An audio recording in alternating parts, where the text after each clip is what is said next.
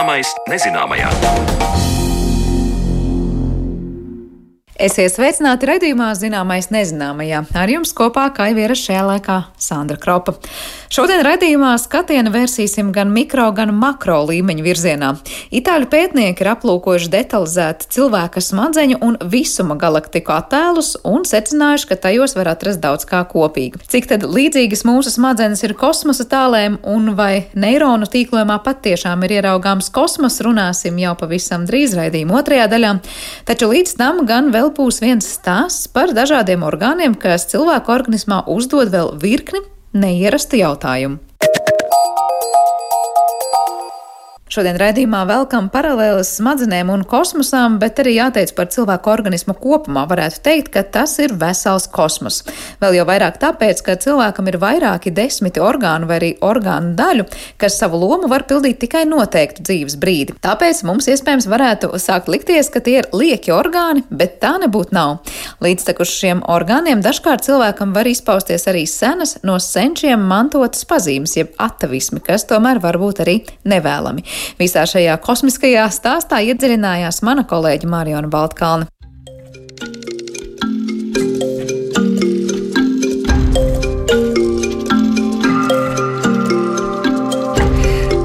Īsti pareizi teikt, liekas orgāns. Katram orgānam cilvēka dzīves laikā ir sava noteikta funkcija. Iespējams, tā sāk izpausties vēlākā dzīves posmā, un līdz ar vecumu orgāna funkcionālās spējas pavisam samazinās, taču tas viss mums ir dots ar kādu pamatojumu. Tā sarunas sākumā norāda Rīgas Stradiņa Universitātes Anatomijas un antropoloģijas institūta asociētā profesore Silvija Umbraško. Šādi orgāni, kas mums ķermenī ir taču zaudējuši savu nozīmi, tiek saukti par rudimentāriem orgāniem, un tādi ir visiem cilvēkiem. Cik tad galu galā mums tādu ir un kur ķermenī tie novērojami, par to tālāk stāsta Silvija un Braško. Literatūrā pastāv apraksti, ka cilvēkam tiek uzskatīti apmēram 90 tādi rudimentāri orgāni, lielāki vai mazāki piemēram, ausu muskuļi. Ja? Nu, cilvēkam ausu muskuļi ir trīs nelieli muskulīši, atrodas uz galvas. Un praktiski šie muskuļi kustina arī ausi. Ja? Cilvēkam tas zaudēs funkciju, bet, eh, piemēram, kaķiem tie ir svarīgi. Ja? Tātad kaķiem tie ir labi attīstīti un svarīgi muskuļi. Tālāk, mandeles, piemēram, ja? mandeles ir limfoīdu audu sakopojums starp mutes, daguna un rīkles dobumiem. Un limfoīdie audi izstrādā limfocītus, kas samazina infekcijas ieplūšanu dziļākos organisma orgānos, ja? gan elpošanas, gan gramošanas orgānos. Tātad cīnās ar infekciju. Bet, ja bieži iekaist mandeles, piemēram, ja, kas ir augstleja mandeles vai aizdegunes mandele bērniem parasti iekaist, ja? tātad eh, mandeles tiek eh, vai noperētas ārā vai mūsdienās arī apstrādātas ar šķidro slāpekli. Aiziet bojā daļa audi, bet daļa saglabājas.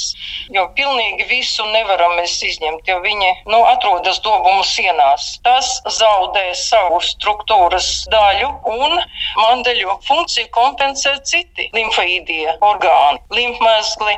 Limfmezgli ir atrodami ļoti tādās kuņģezēnu trakta elpošanas ceļos. Tātad izturēties nevērīgi pret mandelēm vai ausu muskuļiem nevajadzētu. Aktīvi kustināt ausis skaņas virzienā, nepagriežot galvu, kā to dara citi dzīvnieki, mēs gluži nevaram, bet noteikti ir kāds, kam ausu muskuļi tomēr ir spēcīgāki, un ausis kaut nedaudz ir iespējams pakustināt. Un mandeles par vīrusu infekcijas perēkli bieži kļūst tieši tāpēc, ka vienas no pirmajām veids barjeras aizsarg funkciju, lai organismā iekļūšas infekcijas netiktu tālāk, un šajā cīņā tad Mandeles pašas smagi cieš. Bet dodamies tālāk, un par rudimentāru orgānu tiek uzskatīts arī aklās zarnas piedēklis, parasti mazā pirkstiņa resnumā, 9 līdz 11 cm garumā.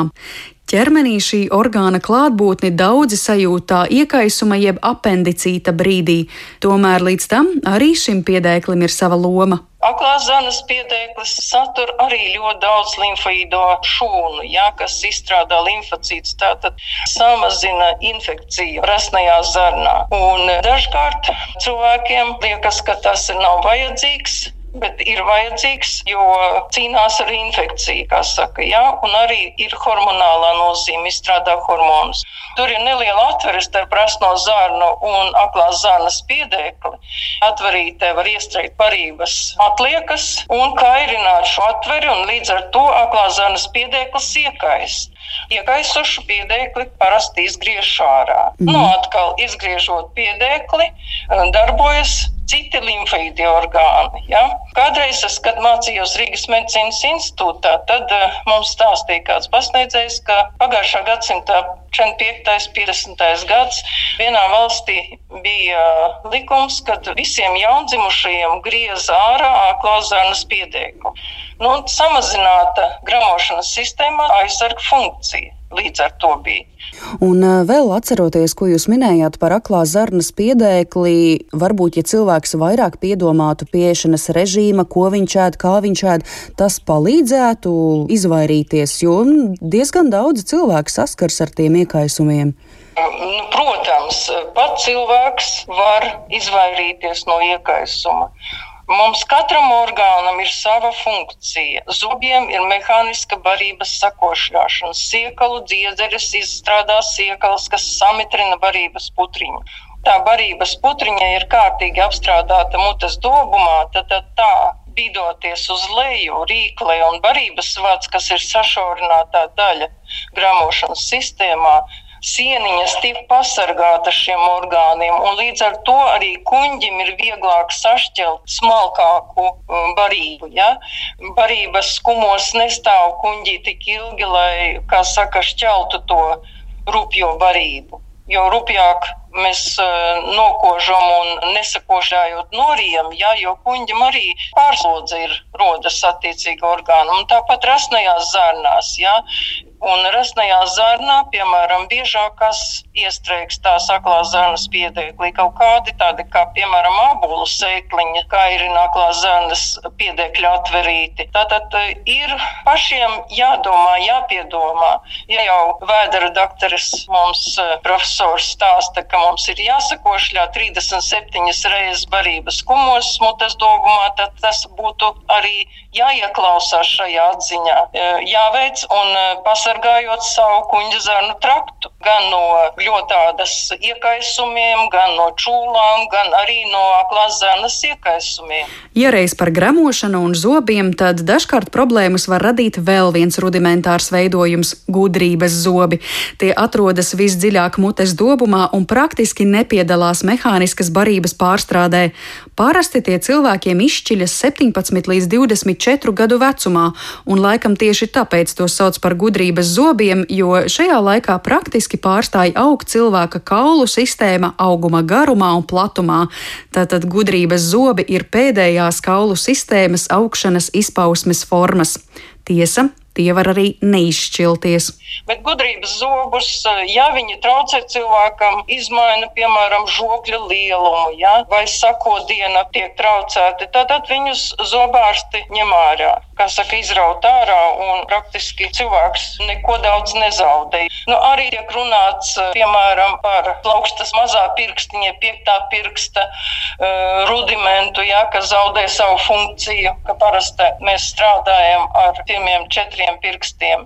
Lūk, tie ir cilvēkam. Dzīvniekiem arī tiek novēroti rudimentāri orgāni, piemēram, vistām var atrast zobus, ja kādreiz strausam, piemēram, ja spārni. Viņš nelido strauji savs, bet spārni ir vajadzīgi, lai saglabātu līdzsvaru, kad viņš skrien. Cilvēkam, piemēram, kā rudimentārs skaitās trešais plakstiņš, pusmēnesis veida plēvīte, acs mediālajā kaktiņā, bet tā uzkrāja putekļus vai kādus citus svešķermeņus no acs ļoti jeb konjunktīvas.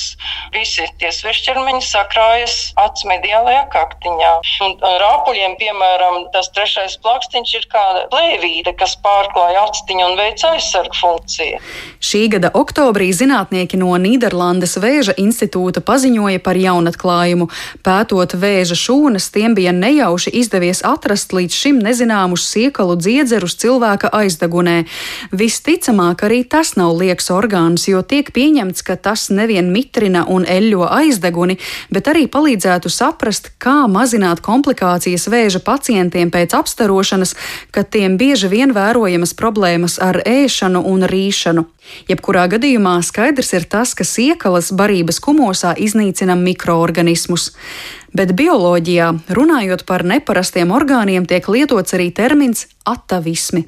Silvija un Braško tālāk paskaidro, ar ko tie specifiski. Gan rudimentus, gan atavismus sauc par cilvēka vai dzīvnieka mantojumu no evolūcijas priekštečiem. Bet šie termini nav sinonīmi. Atavisms no latīņu valodas atavus, ja, tulkojās tāls sensis.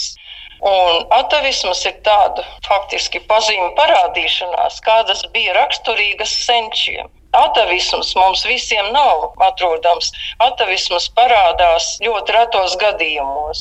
Un tas gēns, kas izraisa šīs pazīmes parādīšanos, skaitās kā recesīvais gēns, jeb snaudošais gēns, bet pilnībā viņš no organisma nav pazudis. Atavisms faktiski ir piemēram aste.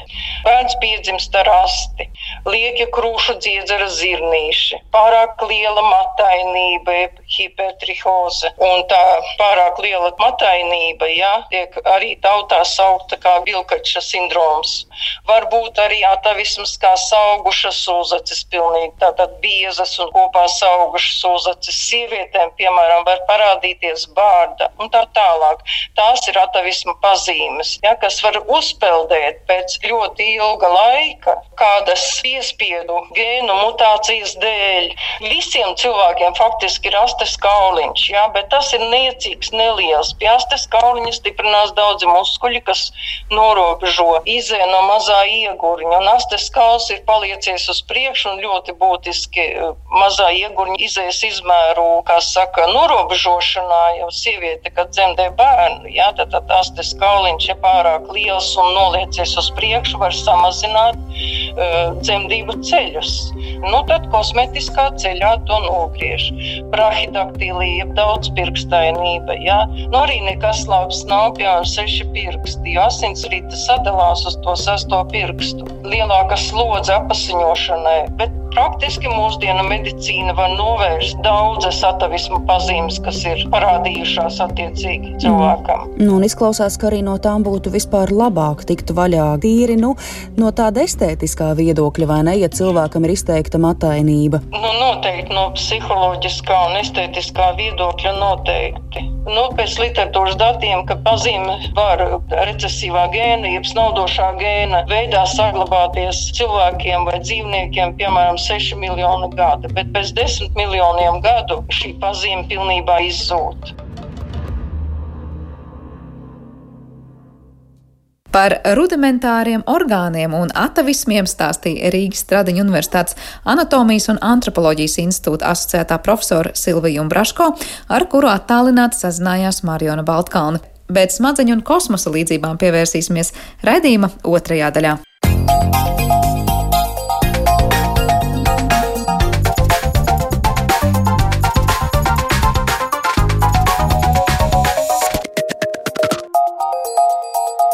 Zināmais nezināmajā.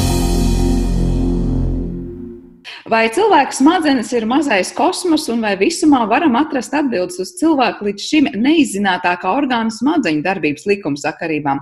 Spriest vadoties pēc analoģijas principa šķiet eh, varētu būt veids, kā nonākt pie zināšanām par grūti izzināmo, taču vai tik tiešām salīdzinot šīs divas pasaules, cilvēka smadzenes un bezgalīgo visumu, varam atrast līdzīgo un uzzināt ko jaunu? Atbildes uz šiem jautājumiem mēs šodien meklēsim mūsu attālinātajā studijā, kur esam aicinājuši Latvijas Universitātes fizikas, matemātikas un optometrijas fakultātes profesoru Mārci Auziņu un Pauls Stradiņa Kliniskās universitātes slimnīcas neiroloģi Rīgas Stradiņa universitātes asociēto profesoru Zandu Priedi. Labdien jums abiem! Labdien! Labdien.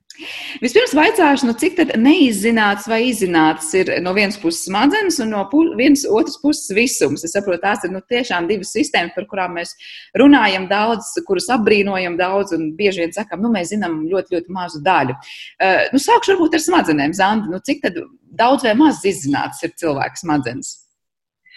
Um teiksim, tā smadzeņu struktūra, un es pieņemu, ka visuma uzbūve ir pietiekoši sarežģītas teiksim, struktūras un uh, savstarpēji, teiksim, šo, šo te, teiksim, miedarbība dažādu elementu un augstā pašorganizācija.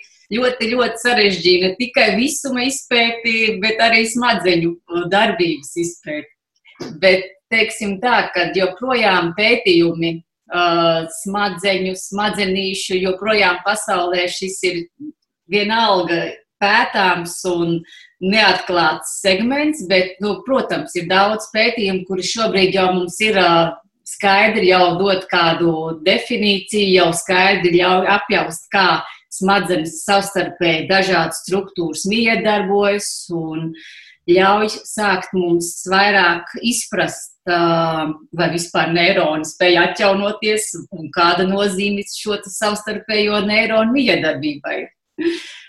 Bet parasti mēs sakām nu, par tiem procentiem, vai nu tur par cik procentiem nezinu, mēs izmantojam, neizmantojam tur smadzeņu darbības potenciālu, vai cik mēs zinām, nezinām. Tās ir tādas spekulācijas, vai ir apmēram apjausma. Nu, tad, ja mēs skatāmies galvas smadzenes cilvēka, vai teiksim, tur mēs zinām par viņām ļoti mazu daļu, vai tā apjausma ir nu, prognozes, ka nu, mēs esam gana, gana lielu daļu jau izpētījuši? Es domāju, ka es teiktu, mēs uh, vēl daudz ko nezinām. Ir daudz neatklātu jautājumu. Ir daudz, uh, ja mēs to mācētu jau skaidri pateikt šobrīd uh, un atklāt šo lielo smadzeņu noslēpumu, tad mēs varētu būt spējīgi atbildēt arī par daudzu slimību. Uh, patoģenēzi, ja atrastu ātrāk jau iespējamu šo negatīvo slimību bojājumu mehānismu, kaut kādus, nu, teiksim, risinājumus, medikamentus un varētu palīdzēt jau vairāk tīri kliniskā praksē. Es, es pieņemu, ka izpēte joprojām, teiksim, ir, nu, es procentuāli ne, neteikšu cik, bet ir joprojām daudz, daudz darāms un daudz, daudz vēl mums priekšā, kas atklājams. Jā, nu došu vārdu Mārcis Mauziņam par to, kā ir ar visumu šajos jautājumos. Nu, tur liekas tāda otra lielā makrosistēma, par kuru mēs vispār laikam kaut ko jaunu, pārsteidzošu uzzinām. Un tad jautājums, nu mēs esam tur pirmos soļus spēruši pusceļā, vai cik daudz mēs to zinām?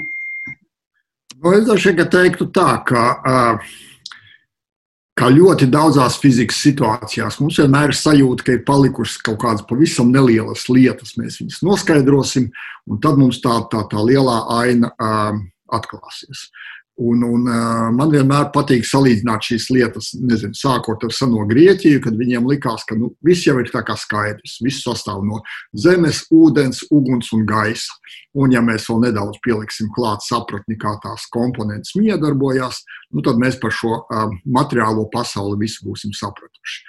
Es domāju, ka katrai uh, zinātnieku paudzei vai katram uh, kā, etapam zinātnes attīstībā tā sajūta ir diezgan uh, līdzīga.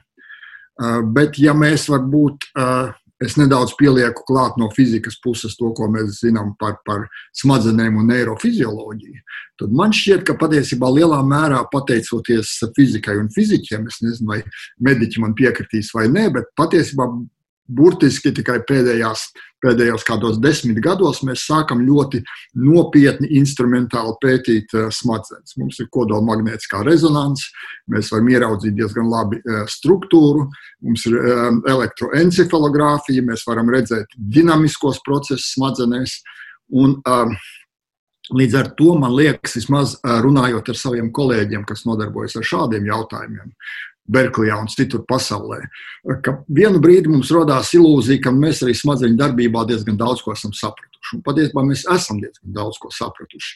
Bet ir uh, tas, ko uh, ir tāds uh, profesors Davids Čalmers. Kādus gadus atpakaļ viņš viesojās Latvijas Universitātē. Viņš gan vairāk ir filozofs un psihologs nekā mediķis. Bet viņš saka, ka, ka mūsu smadzeņu darbībā, bet varbūt vēl plašāk apziņā, ir viens grūtais jautājums. Grūtais jautājums, uz kuru mēs pat īsti nesam pietuvojušies, lai viņu atbildētu. Jo mums ir taisnība, tā kā kolēģi teica, mēs diezgan labi saprotam, uz kādiem stimuliem kādas smadzeņu apgabali atbild, kā viņi atbild, kāda ir dinamika un tā tālāk. Un tad rodas jautājums, bet mums ir apziņa. Un acīm redzot, apziņas orgāns ir smadzenes. Mums gribētos saprast, kā tad radās šī sevis apzināšanās. Jo katrs no mums sevi apzinās kā, kā cilvēku, kā personību.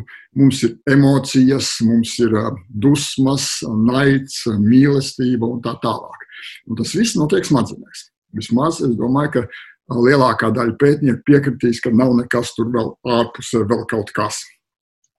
Un tad kā smadzeņu darbība noved pie, pie šīm te, uh, apziņas, vai ir iespējams, ka šie te, ja es pareizi atceros, tad, un ja ne, tad mediķi man labos, ka mums ir apmēram pusotra kilograma sver, sver mūsu smadzenes. Šī pusotra kilograma bioloģiskas vielas, kā visi šie procesi tur ir iespējami, vai ir iespējams, ka mēs kādā citā materiālā nesējā, piemēram, datorā, superjaudīgā katru reizi, spējam šo te reproducēt. Jo, ja tā ir tikai materiāla sistēma, nu, tad iespējams, ka uh, tas, ka viņa sastāv no bioloģiska materiāla, nav nemaz tas uh, izšķirošais.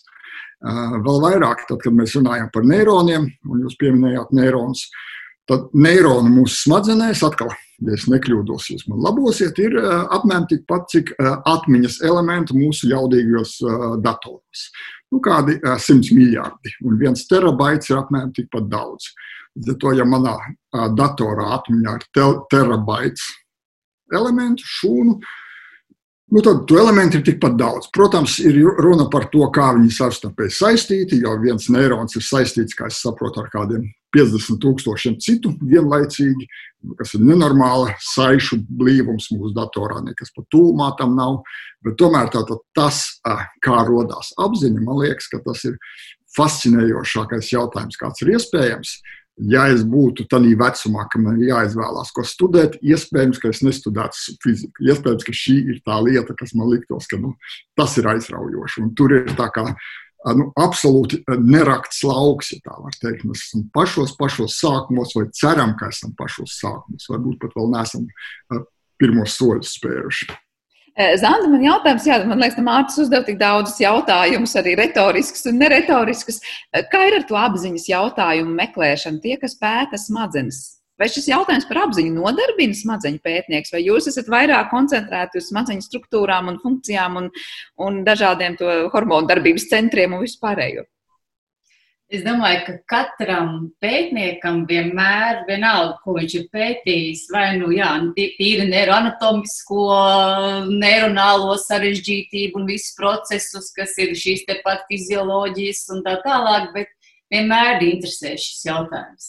Paralēli, man liekas, jebkuram pētniekam šis jautājums ir bijis aktuāls par apziņu.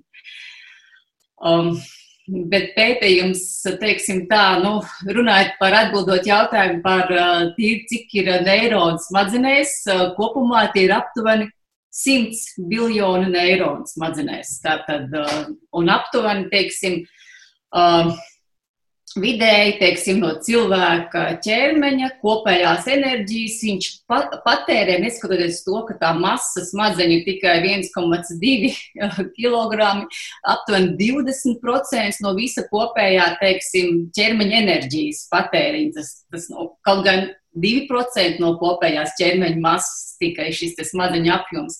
Tātad šis jau vien mums uh, dod atbildi, cik smadzenēm ir. Um, teiksim, arī varbūt tieši nedomājot šobrīd kaut kādas lietas, jūsu apziņa paralēli strādā, un šie procesi notiek paralēli, kas atkal tērē mūsu enerģiju, mūsu, tā, mūsu spēks un paņem mūsu domas. Jā, tā kā tāds kārtīgi jaudīgs dators ir mūsu galvā, pavisam noteikti arī pēc tā, ja mēs mēram, cik enerģijas tas prasa. Es saprotu, ka Itālijas pētnieki ir vairāk salīdzinājuši vizuālos attēlus, gan to, ko mēs iegūstam pētot smadzenes, gan skatoties visumā, un sapratuši, ka nu, daudzas gan struktūras ir līdzīgas, gan arī sājušu savienojumi, kas mums ir starp neironiem un starp zvaigznēm dažādās galaktikās. Nu, viņi saka, nu, ka tas attēls ir ļoti, ļoti līdzīgs. Kā jūs komentētu, vai mēs varam pat tiešām tādā mikro un makro līmenī skatoties un salīdzinot lietas vizuāli, teikt, ka tur līdzība pastāv. Zanda, nu, sākšu. droši... ah, jā, Mārcis, sākšu ar jums. Jā, droši vien, ka vizuāli tur, tur pastāv līdzība, bet tas, tas, ko Zanda apstiprināja, ka patiešām mūsu smadzenēs neironu skaits ir desmit reizes mazāks nekā manā datorā atmiņas elementu, kurā es pašreiz runāju. Tas droši vien kaut ko mums pasaka, bet tad, kad mēs skatāmies šīs struktūras, visuma struktūras, smadzeņu struktūras un tā tālāk, nu, man liekas, ka tā ir nedaudz tāda, kā lai to saka, virspusēja līdzības nodibināšana. Jo man, man šķiet, ka ja mēs no tādiem struktūrāliem principiem eh, domājam, kāpēc mūsu smadzeņu darbībā ir šī neiespējamā jauda, ja tā var teikt, un, un šīs nianses, par kurām mēs joprojām nezinām, kā, kā viņas radās, apziņa un tā tālāk. Tad es domāju, ka atbilde patiesībā ir tā, kas ne tuvu nav visumā. Ka katrs mūsu neirons, mūsu smadzeņu šī šūna miedarbojas ar ļoti lielu skaitu. Kaut kur es redzēju skaitli diezgan tādā autoritatīvā literatūrā - 50,000 citu neironu. Ja mans datora elements miedarbojas ar dažiem, tad tas jau ir daudz. Un visumā arī šīs ļoti, kā lai to saka, izvērstās miedarbības, ka katrs visuma elements šādā ļoti tiešā veidā apmainoties ar informāciju, apmainoties ar, ar, ar elektriskiem impulsiem un ķīmiskiem informācijas no, nodošanas veidiem, kas notiek smadzenēs. Ka nekā tāda visuma nav. Līdz ar to es teiktu, ka šī analoģija ir nedaudz uh, virspusē, tur, kur man liekas, drīzāk būtu vērts meklēt analoģiju. Un, mēs kādu brīdi atpakaļ runājām par šī gada Nobela laureātu Rodžeru Penrozu, kas viņa virzienā ir diezgan daudz domājis, ka šī apziņas un viena lieta, kas mums joprojām ir stipri grūti izskaidrojama, tad, kad mēs šodien esam šeit trietā sanākuši šī sanāksmē, mēs esam, domāju, visi pārliecināti, ka tā bija mūsu brīva izvēle, ka mēs no rīta nolēmām, ir vērts mums šodien šeit nākt, ir interesanti sarunāties, bet vai varbūt darīt kaut ko citu. Tas, ka ja smadzeņu darbības pamatā ir procesi, kuru dziļākajos pamatos ir fizikāli procesi, kuri visi ir determinēti tādā vai citādā veidā. Līdz ar to šīs brīvās gribas un brīvības, ka, ka, ka, ka, ka radās kaut kas, ko mēs paši varam noteikt, kas nevis ir atomu kustības rezultāts, ja tā ļoti vienkārši saku no kurienes tas radās. Rodžeram Penrozam ir šī ideja, ka varbūt tā analoģija, varbūt drīzāk pat ne analoģija, bet saistība ir jāmeklē nevis visumā un smadzeņu darbībā, bet kvantu fizikā un smadzeņu darbībā. Jo kvantu fizikā arī ir diezgan daudz lietu, kas nav precīzi determinētas, vai vismaz nav precīzi uh, paredzamas, es teiktu tā. Uh, un, un, un tad varbūt šeit ir atslēga tam, ka mēs gribam uh, tomēr domāt, ka lielā sprādziena brīdī, tad, kad sāka kustēties visi atomi, tur nebija jau ierakstīts, ka mēs šodien šeit sēdēsim, runāsim un, un ko pēc mirkļa jūs teiksiet man un ko jūs jautāsiet uh, Zandai un tā tālāk. Ka tas rodās mūsu brīvas izpausmes, gribas rezultātā šī brīdī, šeit un tagad. Uh, es domāju, ka mēs visi ticam, ka tieši tā tas ir, uh, bet Kā tas ir iespējams, ja viss balstās fizikālās likumsakarībās pašos pamatos? Tas ir šis interesantais jautājums, jo filozofi un ne tikai pa brīdim saka, ka ir tas, ko mēs, es kādu brīdi vienā lekcijā mēģināju atrast, vai latviešu tulkojums emerging properties. Pat terminu vārnīcā neatradu, bet jaunas īpašības, kas parādās pieaugot sistēmas sarežģītībai. Tas tā ļoti skaisti skan. Nu, sistēma kļūst sarežģītāka, mēs nonācām līdz vissarežģītākajai biosistēmai. Smadzenēm tur parādās jaunas īpašības. Kā viņas parādās, lai tas nebūtu tikai skaists filozofu vārds, bet izsekot to, to, to, to dinamiku, kā no vienkāršas sistēmas radās sarežģītāka, kurai ir kaut kādas principiāli jaunas īpašības. Patiesībā mēs to nevaram. Zanda? Jā, par tām līdzībām un uh, atšķirībām runājot, tīri par to, ko to itāļu pētnieki ir skatījušies, kāds ir komentārs, un te Mārcis tikko patiesībā paceltais jautājums par to sistēmas sarežģītību, kurā brīdī tā iegūst tās jaunās īpašības. Tur droši vien par smadzenēm var runāt daudz un dikti. Um, Cik es iepazinos ar šī itāļu pētnieka pēt, pētniecības datiem, Alberto Feletti, itāļu pētnieka, es sapratu, ka viņš vairāk tam to tendenci pētīja smadzenīšu, uh, cerebellum, latīņu, tātad uh, mazo smadzenīšu cilvēku, smadzenīšu, teiksim, darbību un savstarpējo ceļu, teiksim, izpēt un mēģināja to salīdzināt ar visumu, ar galaktiku, par ko man nav komentāru. Uh, bet uh, runājot par smadzenītēm, neirozinātnē smadzenītes, teiksim, pēdējo četru dekāžu laikā visa pētniecība, kas vērsta tieši uz smadzenīšu visu neiroarhitektoniku, neirofunkcionālo izpēti, šie interesantie, ļoti, ļoti sarežģītie informācijas pārnešanas tieši smadzenītēs. It kā liekas smadzenītes, tas nelielais nedomājošais orgāns, viņam tomēr pēdējā desmitgadē ir raduši jau tieši tā, tad pētnieki ir atklājuši, ka viņi spēj, smadzenītes ir nozīmīgas arī pie, teiksim, pie kognitīvā domēna, teiksim, pie kognīcijas, pie cilvēka domāšanas, ko mēs parasti īstenībā smadzenītes, kustību koordinācija, motorā, voluntārā aktivitāte, nu, smadzenītes ir vai nav, teiksim, daudz, bet tās ir ļoti, ļoti, teiksim, anatomiski un funkcionāli nozīmīgas orgāns. Un, ja salīdzinu vispār, cik uh, šo te smadzenīšu datus, teiksim, smadzenītēm, ja smadzenītēs pelēkā vielā ir 69 biljoni neironu, kas aptuveni sastāda 80% no visu smadzeņu pelēkās vielas, teiksim, kortikālā smadzeņu daļā, jeb smadzeņu lielos smadzeņu garos puslodēs, atrodas aptuveni 6 biljoni neironu. Ko tas norāda, ka mazās smadzenītes ir teiksim, ļoti, ļoti jaudīgs un uh, absolūti teiksim, nozīmīgs orgāns cilvēka ķermenī. Uh, Un šie pētījumi, ko es, es iepazinos, jā, šis pētnieks, viņš vairāk, nu, teiksim, jā, nu, viņi strīdās kā saka, klīniskā pētnieciskā medicīna versus uh, uh, fizika, vai ne? Bet uh, vienalga pētījuma rezultāti rāda to, ka uh, īsti tad ir atšķirīgs pazīmes un ir daudz kopīgas pazīmes. Un atšķirīgās tas ir tas, ko profesors minēja tieši tā, ka, uh, teiksim, balstīts, katra, katra sistēma ir balstīta uz citiem, teiksim, tomēr uh, funkcionāliem principiem. Tas, ka mums bildēs liekas līdzīgi, jā, neironi, galaktikas un šie ceļi un sasaistes, tas nevienmēr funkcionāli ir salīdzināms lietas. Bet vai jums abiem jautājums var būt tā, ka skatoties smadzenēs, mēs daudz vairāk varam izdomāt kaut ko un saprast un uzdot jautājumus par visumu vai otrādāk? Nu, tad paskatoties kaut vai tās tikai vizuāli līdzīgās lietas, bet procesus visumā mēs varam sākt domāt kaut ko vairāk, saprast par tām neatbildētām lietām par smadzenēm. Nezinu, sākšu, sākšu ar kuru. Par visumu, par visumu sāksim. Jums var tas visums mums vairāk palīdzēt tās smadzenes izpētīt. Ne, nu, eh, es saprotu, ka par visu tur jautājums vairāk manā virzienā.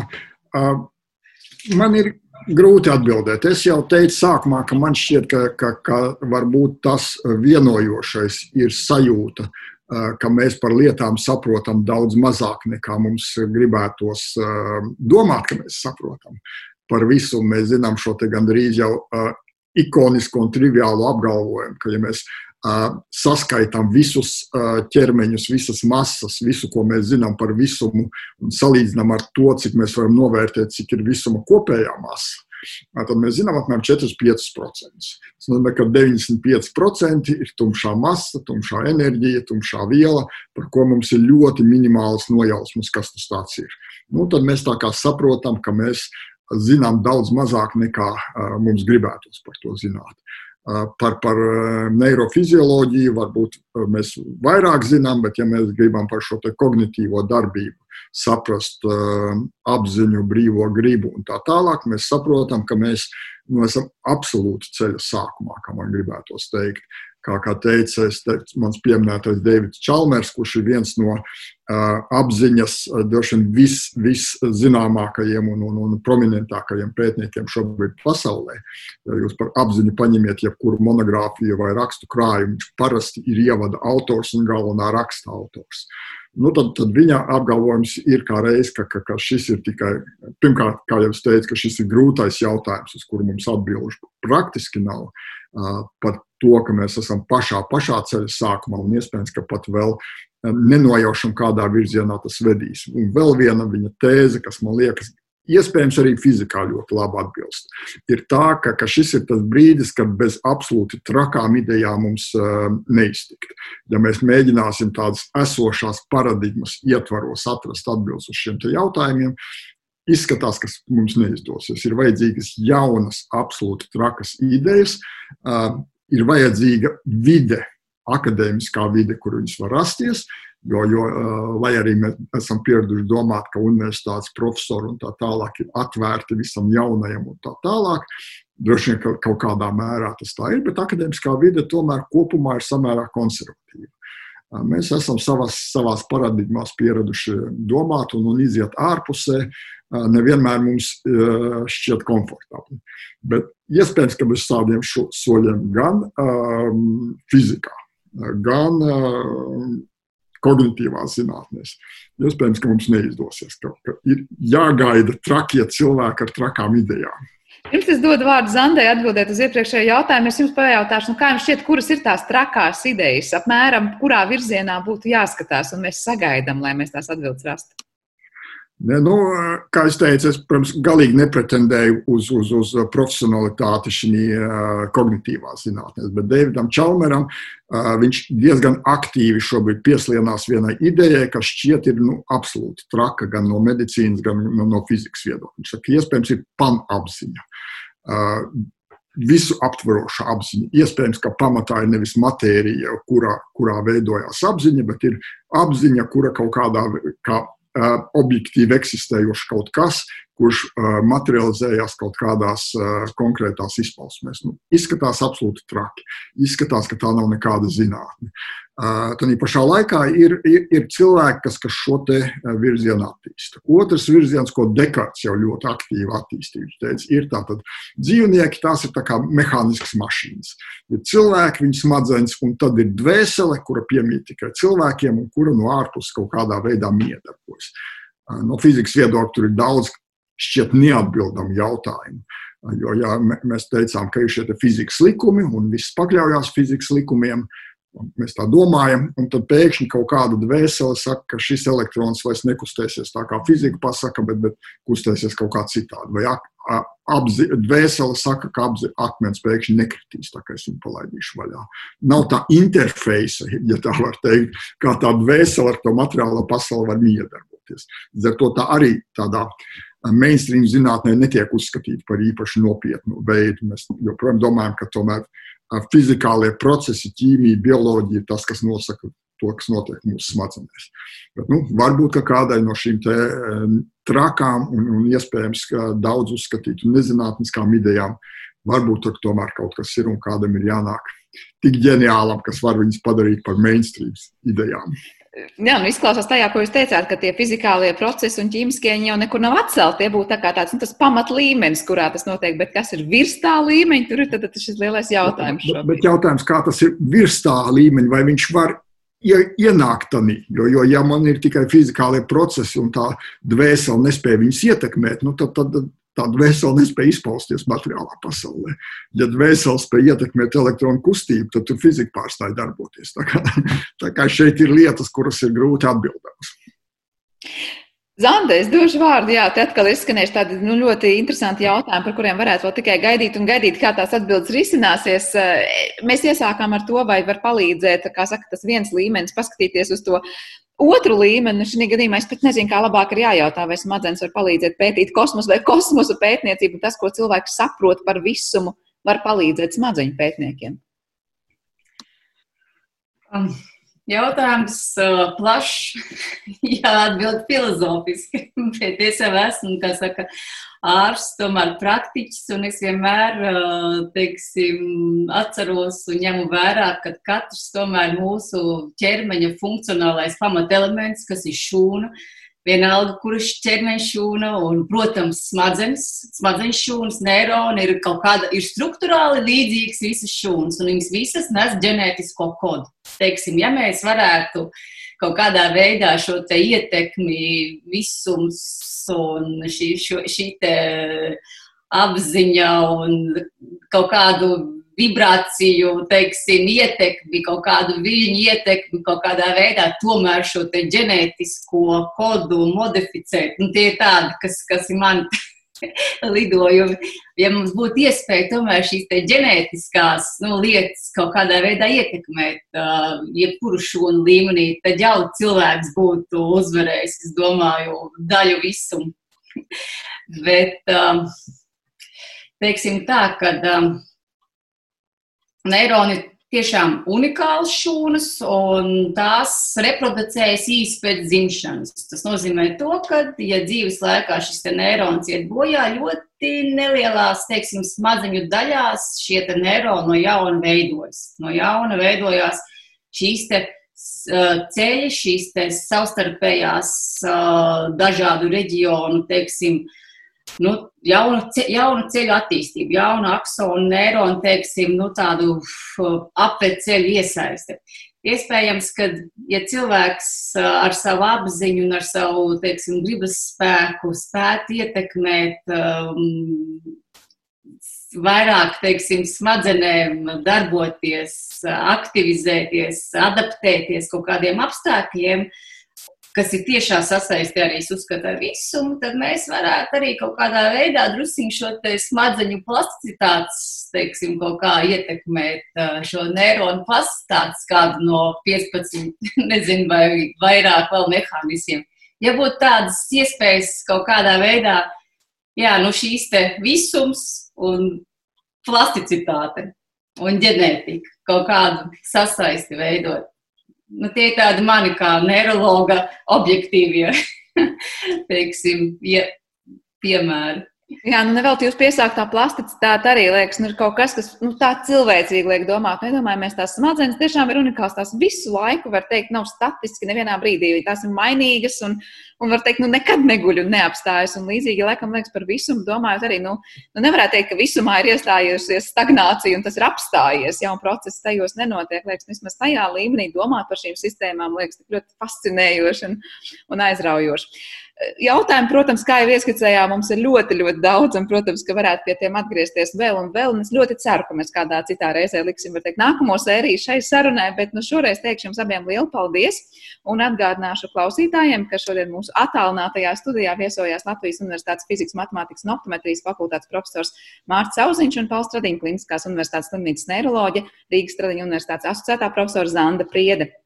Ar to arī šis raidījums ir izskanējis. Paldies arī par to producentēju Sarmītai Kalātai un mūzikas redaktoram Girtam Bišam. Pieminēšu tikai, ka šo un arī citus zināmais nezināmajās stāstus varat klausīties arī populārākajās podkāstu vietnēs. Tad nu, tajās arī tiekamies. Nu, visu labu!